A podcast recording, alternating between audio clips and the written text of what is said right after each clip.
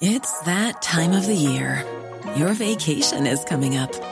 You can already hear the beach waves, feel the warm breeze, relax, and think about work. You really, really want it all to work out while you're away. Monday.com gives you and the team that peace of mind. When all work is on one platform and everyone's in sync, things just flow wherever you are. Tap the banner to go to Monday.com. Hi, I'm Daniel, founder of Pretty Litter. Did you know cats tend to hide symptoms of sickness and pain? I learned this the hard way after losing my cat, Gingy. So I created Pretty Litter, a health monitoring litter that helps detect early signs of illness by changing colors, saving you money and potentially your cat's life. Pretty Litter is veterinarian developed, and it's the easiest way to keep tabs on your fur baby's health right at home. Go to prettylitter.com and use code ACAST for 20% off your first order and a free cat toy. Terms and conditions apply. See site for details.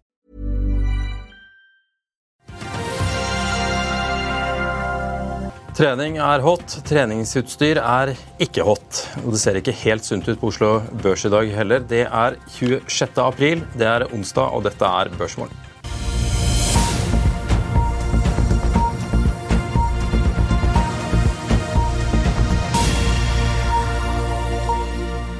Velkommen til Børsmorgen her hos Finansavisen. Jeg er Marius Mørk Larsen, og med meg har jeg Karl Johan Molnes. Så vi starter med et par oppdateringer.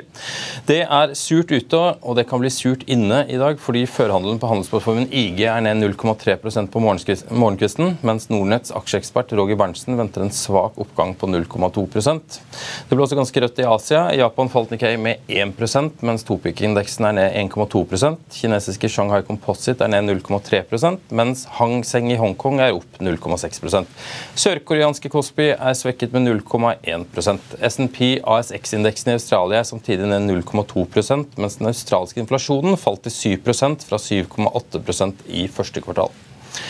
Mye av den småsure stemningen kan spores til Wall Street, som hadde en laber tirsdag. SNP 500 falt 1,58 i går, mens Nasdaq ramlet ned 1,98% Industritunge Dow Jones falt 1,01% Samtidig steg fryktindeksen VIX med 15,57% til 19,52 Brentoljen handler til 81, dollar og 10 cent per fat på morgenkvisten, mens et fat nordsjøolje koster 80 dollar og 81 cent. Rett før sending kom det også nyheter om at SAS har halvert tapene mellom november og mars, og at selskapet tapte 4 milliarder kroner i denne perioden.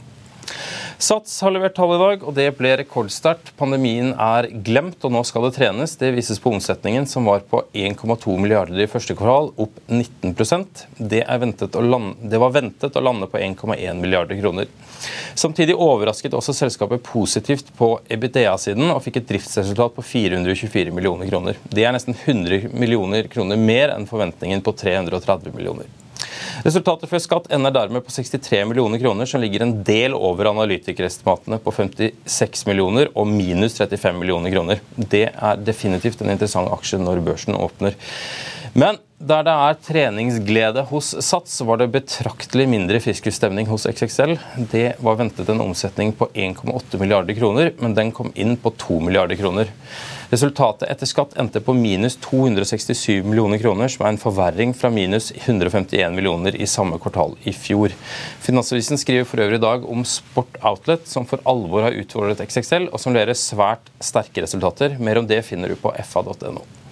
Et annet selskap som skuffer i dag, er ABG Sundal Collier. Der endte resultatet før skatt på 87,4 millioner kroner, som er ned 121,2 millioner kroner fra samme periode i fjor. Den aksjen er også ned ca. 30% siden i fjor sommer. Vi må også nevne lakseprisen. Eksportprisen for laks økte kraftig forrige uke, og det er bare to kroner unna rekorden fra tidligere i år. I uke 16 var eksportprisen for fersk laks på 120 kroner og 57 øre per kilo, opp 6,3% fra 113 kroner og 39 øre i uke 15, viser nye tall fra Statistisk sentralbyrå onsdag. Prisen er dermed bare noen kroner unna rekorden på 122 kroner og 88 øre per kilo i uke 11. Vi er straks tilbake med dagens gjest rett etter dette. Vil du bli oppdatert på det viktigste som har skjedd innen finans og næringsliv? Da er det bare å følge med, for hver morgen er jeg, Marius Lorentzen og aksjekommentator Karl Johan Malnes på plass i studio for å ta tempen på dagens marked i Børsmorgen. Og hver ettermiddag oppsummerer vi alt du trenger å vite i økonominyhetene, og det blir selvfølgelig masse interessante gjester. Klikk deg inn på fa.no-tv, eller søk opp Børsmorgen og Økonominyhetene der du hører på podkast.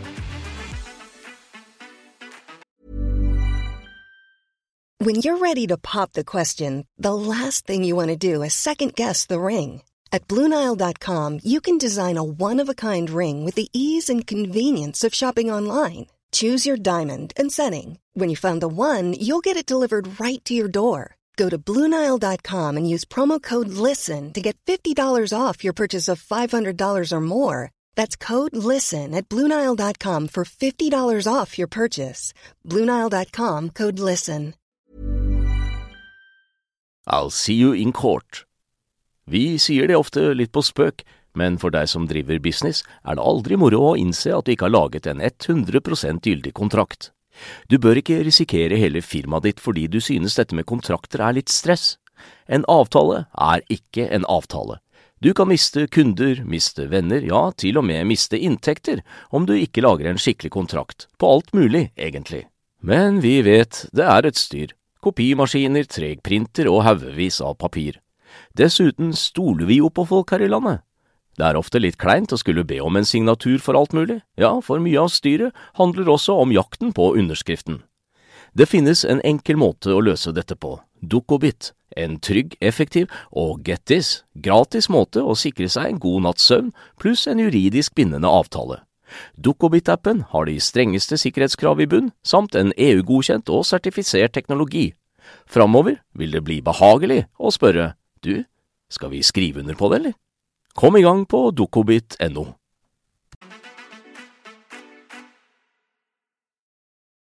Da er vi tilbake med dagens gjest, hedgefondforvalter Tor Svelland i Svelland Capital. Velkommen til oss. Hva opptar deg Altså Råvare er jo det det handler om med deg, men hva, hva bruker du tiden din på for tiden? Ja, det som er det aller viktigste for oss eh, si de, de, kommende ukene og månedene, er å forstå eh, åpningen av Kina. Eh, om det blir en form for en totrinnsrakett her. Eh, det vi ser, er at eh, det første er at det, de som har vært i lockdown, er eh, har dere mer ønske om å reise og, og bruke penger på trivielle ting enn uh, at kanskje landet bruker penger på uh, å restarte uh, boligbygging og infrastruktur. Og den, den store driven på, på, på, metallsiden vil jo komme mer fra at man drar, i gang den generelle økonomien, ikke bare den servicedelen av økonomien. da.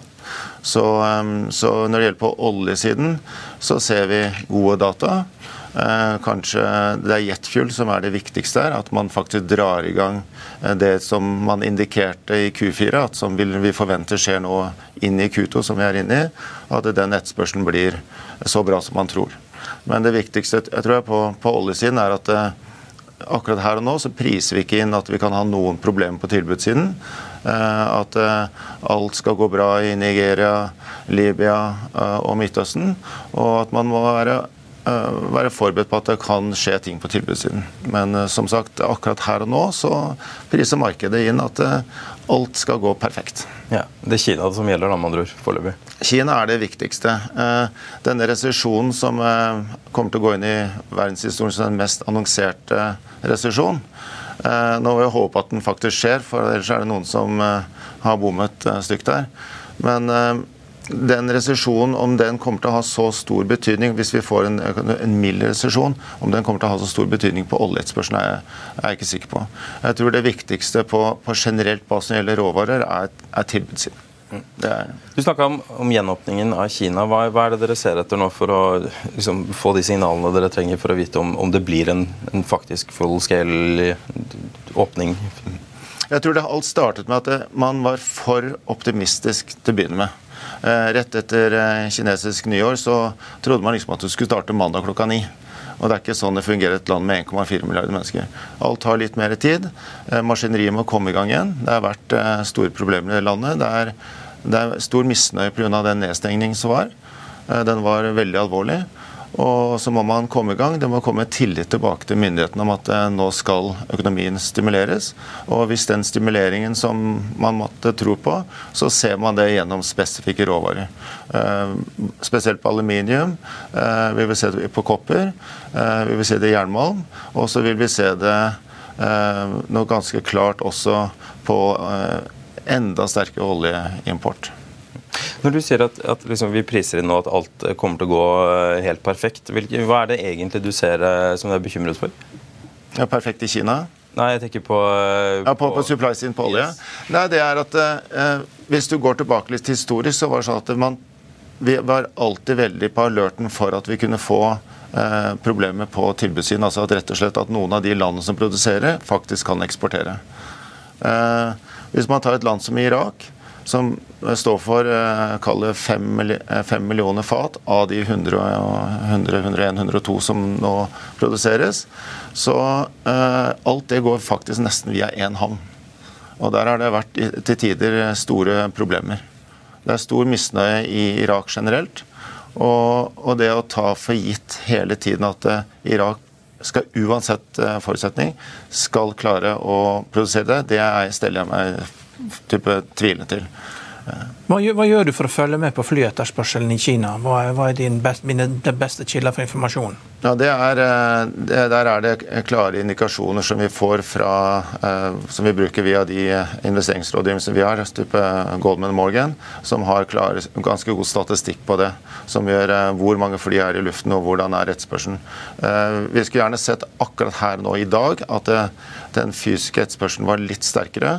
Men vi forventer nå de neste ukene og månedene at den blir sterkere. Men det er jo et veldig regulert marked. altså det var 400 eh, daglige fly fra Kina til Thailand før, og så var det nede i 14. og Hvor, hvor ligger det sånn cirka nå? og det, Sånne ting er jo en god indikasjon på flyetterspørsel. Det er jo en passe lang rute. og, og Det er jo et regulert marked. Dette er jo ikke bare etterspørsel som betyr noe.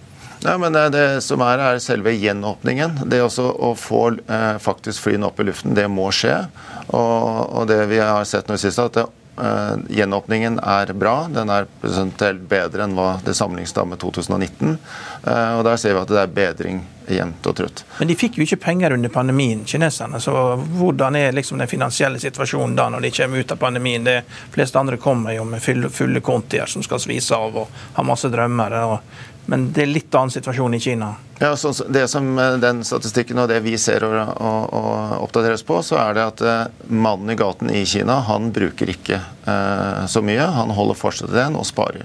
De er generelt skeptiske til den situasjonen de har vært igjennom, og, og ønsker å være nesten forberedt på en, en eventuelt ny nedstengning. Noe som eh, jeg ikke tror, men det er sånn jeg blir fortalt at kineserne tenker i dagens marked. Du har jo vært ute og sagt at du uh, syns gull var interessant. og Der har du jo uh, lagt opp et lite løp. Kan du fortelle litt mer om det? Ja, Det som uh, skjedde, var at uh, Edmund Rothschild i Genéve, som jeg kjenner fra den tiden jeg bodde der, de hadde et fond som var bare for sveitsere. Så ønsket de å lage det internasjonalt, og så kom de og spurte om vi kunne gjøre dette sammen. Og Det er nå notert i Amsterdam og skal senere bli notert i Oslo. Ehm, det Konseptet er at eh, man kan handle gull. Det er fysisk gull. Eh, det ligger i, i, eh, i hvelvet til Edmund Rothschild. Den bygningen er den gamle sentralbanken til Sveits. Der ligger det allerede masse gull og sølv fra før for flere milliarder dollar.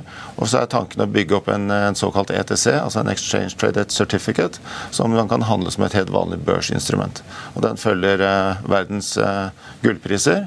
Men det som er det litt unike her, er at det underliggende er et fysisk produkt. Og hvis man ønsker å faktisk ta det ut, altså det som heter å redeeme, eh, så kan du få en 1 kilo bar med gull, eller 12,5 eh, kilo. Mm. Hvis, la oss si at jeg har puttet penger og tilsvarende en, en gullbar. Hvorfor ønsker jeg å, å sitte med, med gull? Nei, Det er bare sånn at uh, mange over de siste årene har blitt skeptisk til uh, en del sentralbanker pga. måten de har håndtert uh, krisen. Så noen familier ønsker faktisk å ha, eie fysisk gull, og da redeemer de og ønsker rett og slett ha det i safen. Ja, altså er det en hedge mot sentralbanken eller mot inflasjonen? Eller, altså, det, hva, hva, er, hva, er det du sikrer deg mot? Det, det mange ønsker der ute, som de har kommunisert oss, og hvorfor vi har laget et produkt, er rett og slett at uh, man ønsker en ekstra sikkerhet. Og man uh, ønsker denne 1 kilo eller 12,5, og hva enn som skjer i verden, så har du den. Mm. Så det er et uh, hvis du også ser på eh, hva skjer på gullsiden, eh, bare ta en sånn ren sånn tilbud-etterspørsel, så har vi uh, den største kjøpet av gull noen gang. Av eh, bl.a. Uh, det som er emerging market-land. Og vi ser at Kina kjøper mer enn noen gang. Så da må man bare ta det inn over seg. Det er det markedet gjør. Og så er det veldig mange vil jeg si, familiekontoret, som jeg kjenner spesielt i Sveits og England, hvor eh, det er helt naturlig for de å ha en sånn 3-5% av deres portefølje, den er i gull.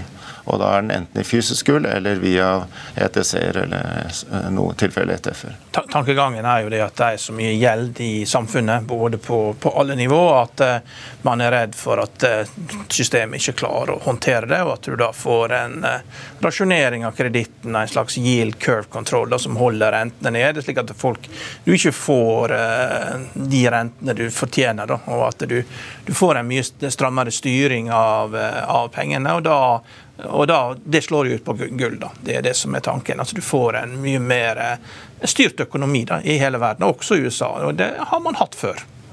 Bare for å legge til det på gullet, at eh, Jeg er enig i det du sier. og det som eh, på toppen er nok det som vi ser i mange råvarer. Man ønsker å vite hvor er det råvarene kommer fra. og I dette tilfellet her så kan du faktisk gå tilbake og se hvilken mining var det, hvilket land og hvor ble det smeltet, og hva er liksom serienummeret. Uh, og I fremtiden så tror jeg at uh, om det er på uh, smykkesiden, eller om det er på en gullklokke, eller om det er i telefoner, så er det mye gull, og i biler. Og folk kommer til å i fremtiden spørre hvor kommer gullet fra. Samme som vi gjør på alle andre råvarer og mange andre produkter. Så Når det gjelder iPhone f.eks., så tror jeg eh, om ikke lenge så kommer folk til å stille spørsmålstegn hvor er det Apple faktisk kjøper det gullet fra. Hvor er det Apple generelt kjøper sine råvarer for å lage en telefon. Det spørsmålet det er på vei.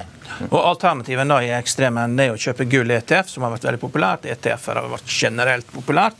Men i en, i en situasjon hvor uh, du, begynner, du, begynner, å få kredittkontroll, uh, som gjør at du har lyst til å eie fysisk gull, så er jo også gull ETF-er en del av det finansielle systemet, og sårbart på en helt annen måte enn eie fysisk gull. Og De mest paranoide de kjøper jo gullmynter og platinummynter og uh, graver det ned i hagen. Men man trenger jo ikke å gjøre det hvis man har store penger man skal forvalte det, og gjerne med stor hage. da. Eh, hvordan har interessen vært for dette gullinstrumentet? Eh, vi eh, har begynt litt sånn sakte, men sikkert. Nå, akkurat nå er denne asset management, altså det totalverdien av gullet, det er på 300 millioner kroner. Og tanken er å bygge dette sakte, men sikkert oppover. Eh, det som kommer til å skje, er at det er noen spesifikke som har eh, store poster som sitter i andre gullinstrumenter som skal inn i dette. Og da kommer det til å eh, gå i noen tilfeller type 250 millioner dollar, altså nesten 3 milliarder kroner, i, i, en, i, i økning på ETC-en. Så det jobbes det med det som er det interessante, er at flere av de største pensjonskassene i Europa de, eh, når vi har hatt møte med de, så det de sier er at eh, de har ønske om å ha eksponering mot gull, men de kan ikke fordi det er ingen av dagens instrumenter som tillater de å, å bruke de. Så dette er det første som vi har blitt fortalt, at, eh, som er akseptert på, av pensjonskasser. Mm. Det Fondet ditt har jo levert jo ganske gode resultater i fjor. Dere har jo levert ganske godt helt tilbake til, til 2017, men i fjor så var det 46,6% Hva er det som ble liksom den Hvor var det dere var smartere enn alle andre i fjor? Eh, det var vel at vi i november 2021 bestemte oss for at eh, neste år blir volatilt, eh, og at sannsynligheten for at Powell var ferdig med Eh, QI, den var veldig stor. Eh, og at vi måtte forberede oss på et volatilt marked. Og På den basis så tok vi ned longs og hadde mer shorts og var veldig balansert. Eh, og så gikk vi inn i året med en, en trading attitude. Og det fungerte bra. Eh, vi, jeg så ikke at krigen skulle skje, og jeg trodde heller ikke at krigen skulle vare lenger. Jeg trodde den var mer at Putin skulle vise noen muskler, og så, så var vi ferdig med dette, dette eh, tullet og galskapen. Men det har vedvart. Men den, det som skjedde i februar og mars når dette begynte, det var at headlines var at Russland stoppet eksporten. Og Derfor skulle oljeprisen gå både 170, 180 og 200. Eh, med min bakgrunn og jeg kan frakte relativt bra, eh, og vi har nok av datapunkter, og vi vet inngående om hvilken havne russerne skiper fra, så kunne vi lett si at det er bare tull og tøys. Eh, den oljen flyttet seg, og den så vi også veldig tidlig at den begynte da å gå til India og Kina. Dette har blitt viden kjent i etterkant, og derfor så vi ikke for oss at oljeprisen skulle gå så høyt. Så vi bare tradet den volatiliteten som var mellom 100 og 140, og så var det 100 og 130. Eh, det som er også viktig når det gjelder hvordan oljen tredes Når du får så store svingninger, så må veldig mange redusere posisjoner. Eh, og da tar du ut veldig mange av de profesjonelle aktørene. Og da lar du disse såkalte CTA-ene og multiplatform de tar mer styringen av prisingen av olje. Og Det tok vi også inn til vurdering og, og leste det markedet bra. Og så ble det en betydelig del av den høye avkastningen. Eh, så traff vi bra på vi, så det fallet i containermarkedet. Så det gikk bra for oss. Og så var vi eh, veldig klar og sterk på eh, Europas energiproblem. Det har vi på en måte hatt som tema i fire-fem år. Og, og, nå ble det forsterket med den situasjonen som Russland og Ukraina. Men LNG-markedet og, og gassmarkedet i Europa var veldig, veldig sterkt før krigen. Mm. Hvordan ser du på den situasjonen nå? Eh, jeg tror egentlig at det ikke har forandret seg så veldig mye. Eh, Europa har mindre gassetterspørsel akkurat nå. Det er på basis av at eh, store deler av industrien er nedstengt, og alle har akseptert lavere rett og slett ha det kaldere i huset. Og det er vel ikke vedvarende. Og vi må tilbake til å ha normal industriproduksjon. Og da kommer dette til å, å og blir normalisert. Da. Så akkurat nå så har vi en veldig billig gass i USA. Eh, I Europa så er det billig nå. Vi var oppe i 340 på den TTF-en som handles i, i, Holland. Den er nå nede i 39-40. Eh, for å se om vi ikke finner noe support her. Og så er det en annen ting som er viktig. I fjor så var vi bare veldig heldige. Kina eh, var nedstengt, mens Europa trengte gass. Hadde Kina valgt å ikke bruke så mye kull, og bare eh, kjøpe den gass som de normalt vil ha, så hadde prisene blitt enda dyrere. Eller enda høyere. Så eh, jeg tror at når kineserne kommer tilbake eh, denne blue sky-tankegangen i Kina den kommer til å komme tilbake. For nå har det vært blue sky fordi det har vært nedstengt og ikke forurensning. Men når den Det er til kull nå, ikke sant? Ja, til kullet. Og, det, og den da høye forbruket av kull, når den den forurensningen kommer tilbake, så kommer det veldig raskt til å bli eh, interesse for å nedskalere kull igjen og begynne å kjøpe mer LNG. Så jeg er ganske optimistisk når det gjelder for gass og LNG fremover. Mm. Gull er jo en forsikring mot mye pengetrykking blant sentralbankene. og Det jo, skal jo forhandles om økning av gjeldstaket i USA i løpet av sommeren. Hvilken tidshorisont ser du før at gullprisen eventuelt begynner å bevege seg mye? Hva er det som, er det som gjør, er det dere, Hvilke scenarioer har dere for det? Så nå har vi akkurat vært og nesten gått til all time high og fått en liten setback. Og så tror jeg at man får en ny eh, leg-up på basis av at eh, det, er at det er måten sentralbankene kjøper og eh, i de emerging markets, og så er hvordan kineserne kjøper. Så akkurat når det gjelder gull, så tror jeg at eh, vi må hvis du ser bort fra litt akkurat rentebanen, så tror jeg den kommer til å være attraktiv fordi folk ønsker å eie mer gull. Eh, det skjer mye på, på Russland, det er mye som skjer i Midtøsten. Så det er, det er, en dreining mot gull. Det har kanskje noe også med at eh, bitcoin ikke er så attraktivt som det en gang var. Og gullet på en måte tatt litt over tilbake over bitcoin. Og derfor jeg tror jeg at det, Eh, på de neste årene så er vi relativt optimistiske for gull. Men Har du tenkt igjennom hvordan en nedgangskonjunktur skal spille seg ut der at du får en kraftig nedgang, og så blir rentene senket til null? Eh, hvordan er det gull reagerer på dette? For Da er det bare dollaren som stiger, og alt annet faller. Da vil jo gull også falle på kort sikt. Eh, har du tenkt litt på det? Ja, det er fullt mulig. Det som er viktig når det gjelder dollaren, dollaren Det store spørsmålet rundt dollaren er er vi nå i ferd med å få en annen type type eh, bilder rundt dollaren. Skal den på råvaresiden begynne å, brukes mindre? Det er store diskusjoner mellom Brasil, Kina, Russland og Midtøsten at eh, de skal nå ut av det. Eh, vi har begynt å se noen handler som allerede skjer. Så det store spørsmålet for oss er vil dollaren fortsette å være den currencyen det alltid har vært. Det, det er jo ikke så viktig hva de handler i, det viktige er hva de sparer i. Nei, ja, for Hvis de ikke handler inn, så blir den mindre attraktiv. Eh, og Da er sannsynligheten for at man skal få en, en, en videre sterk dollar, det er det vi begynner å være ja, Det tror du ikke på. Du tror jo ikke på det. Eh, det er eh, de kreftene som er i gang nå, med Kinas involvering mellom Iran og Saudi, det er, det, det er en milepelle for oss som er i råvaremarkedet og følger Midtøsten ekstremt nært.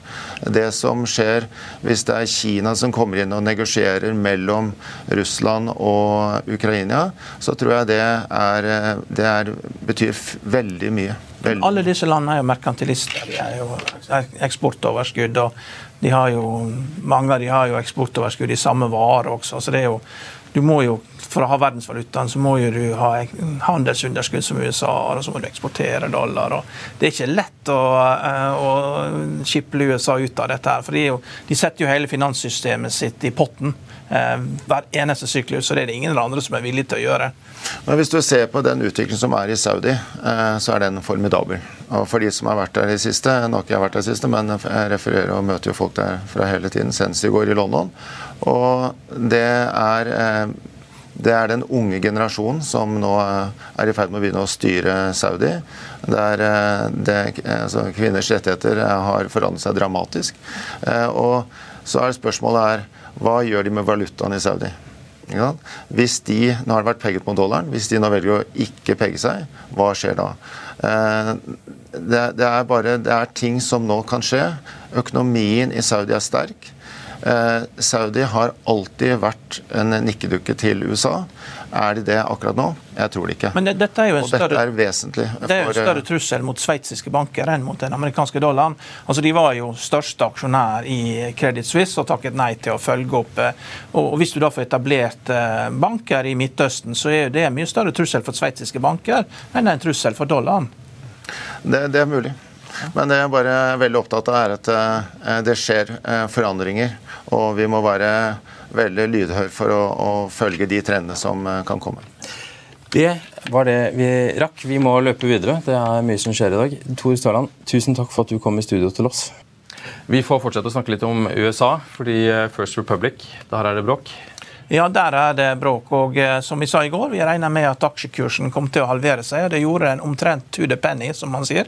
Falt vel med 49,8% og Årsaken var det at eh, de sendte ut en SOS, rett og slett. Og det ble bare verre og verre etter hvert som dagen gikk. Og, og, og, men det var så ille allerede på, mm, når vi var her på tidlig morgen at jeg regner med at noen kom til å selge aksjer. Da. Eh, og da er det typisk sånn at du har en limit på 50 ned når du skal ut på først. Og det, det, det, er tydelig at der, da er det noen som kjøper. da. Så, så, og, og, Hvis du går og sammenligner aksjonærutskriftene da, fra First Republic og sammenligner med Silicon Valley Bank, så er forskjellen det at det er litt flere aktive aksjonærer. Du har sånn som Harding Lovner, du har Bailey Gifford og Artisan. Alle aktive de er inne i First Republic. Men ellers er det veldig mye av de vanlige indeksinvestorene. Og selvsagt er jo svenske Alekta inne, da, som en av de største igjen, da, med sju millioner aksjer. Og jeg regner med at det er de som har solgt, for det var de som solgte som trigget at eh, er Silicon Valley Bank. Men da var de den eneste av de aktive som var der. Nå kan det være Harding, det kan være Bailey Gifford, det kan være Artsen. Resten er bare passive, sovende indeksinvestorer som egentlig ikke trenger å møte på jobb. De kan egentlig bare sette på gå på ski hele året og late som at de forvalter penger.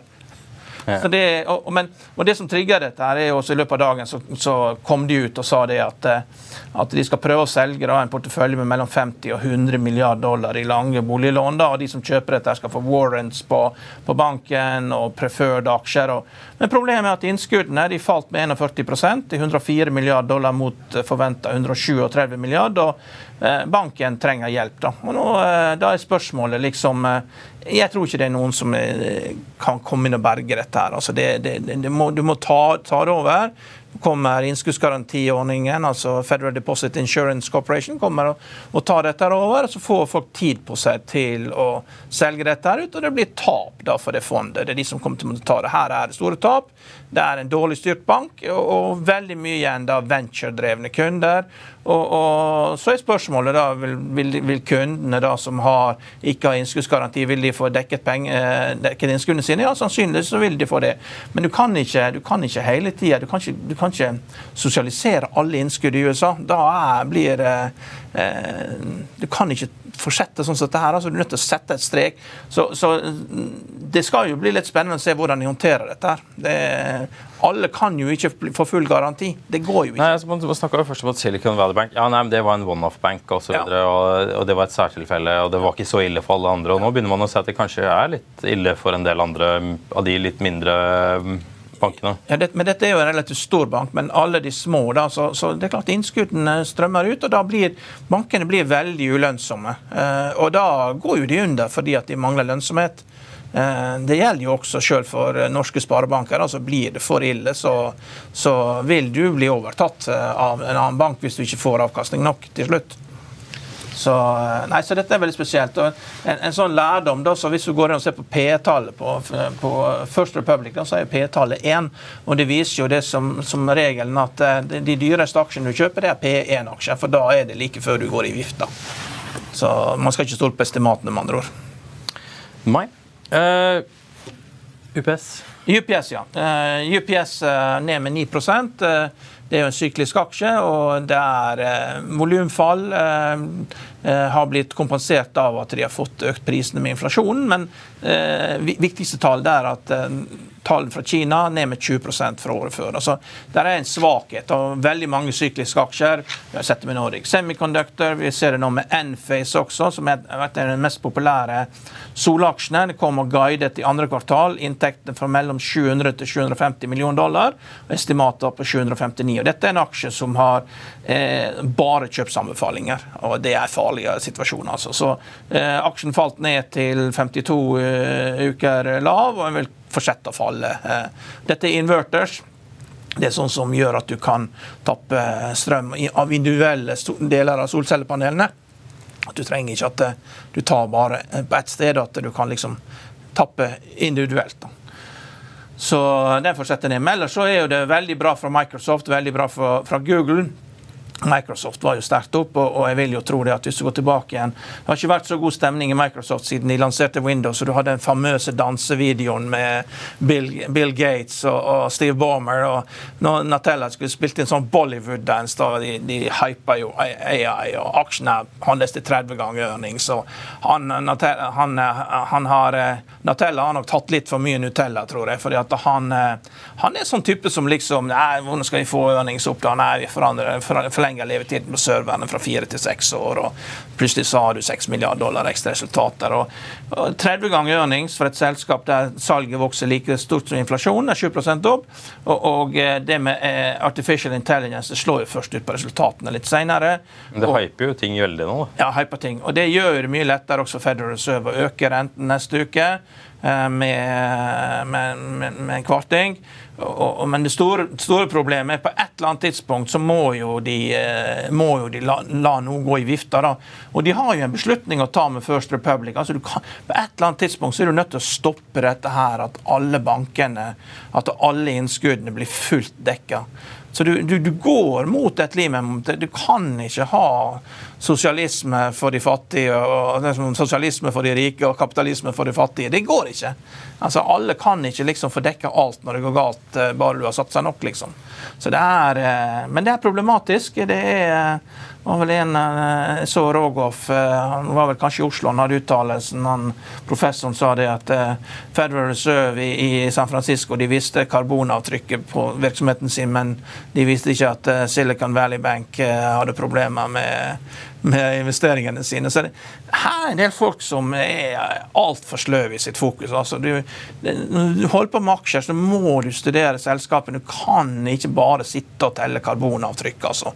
Må følge med. Til slutt så er resultatene som teller. Også for Enfe, som holder på med sol og alt annet. Kan liksom ikke bare kjøpsanbefalinger tro ting skal gå til himmels. Når det plutselig stopper, så er det strek ned. altså. Vi er straks ved veis ende. Jeg må bare ta med at eh, Sats, som vi forutså, er opp eh, ca. 15 eh, De har fått full fart. XXL har ikke fått like mye tyn, til tross for at de skuffer. De er opp 1,72% Og Sats responderer altså positivt på på kuttene og er opp 1,7% Jeg har ellers et par kjappe oppdateringer. Arctic Securities dobler kursmålet eh, på Techstep fra 1,25 til 2,7 kroner og går rett fra hold til kjøp. Den aksjen ble sist omsatt for 1,25 kroner. Porette Securities nedgraderer komplett til en holdanbefaling med et kursmål på 20 kroner per aksje. Den aksjen ble sist handlet for 18,7 kroner. Og DNB Markets kutter kursmålet på Entra fra 115 til 105 kroner. Gjentar en holdanbefaling. De presses jo av et tøft eiendomsmarked, og nå vil Folketrygdfondet stenge utbytterkranen. Det kan du lese mer om på fa.no. Vi er tilbake 14.30 med Økonominyhetene. og Husk at du kan eh, høre denne på, eh, sendingen når du vil, der du hører podkast. Bare søk opp Økonominyhetene eller Børsmål. Vi ses.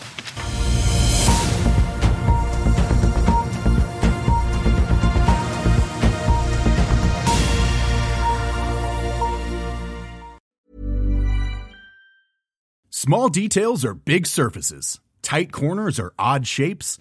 Flat, rounded, textured, or tall. Whatever your next project, there's a spray paint pattern that's just right. Because Rust new Custom Spray 5 in 1 gives you control with five different spray patterns. So you can tackle nooks, crannies, edges, and curves without worrying about drips, runs, uneven coverage, or anything else. Custom Spray 5 in 1 Only from Rustolium. Økonominyhetene er en podkast fra Finansavisen. Programledere er Marius Lorentzen, Stein Ove Haugen og Benedikte Storm Bamvik. Produsenter er Lars Brenden Skram og Bashar Johar. Og ansvarlig redaktør er Trygve Hegnar.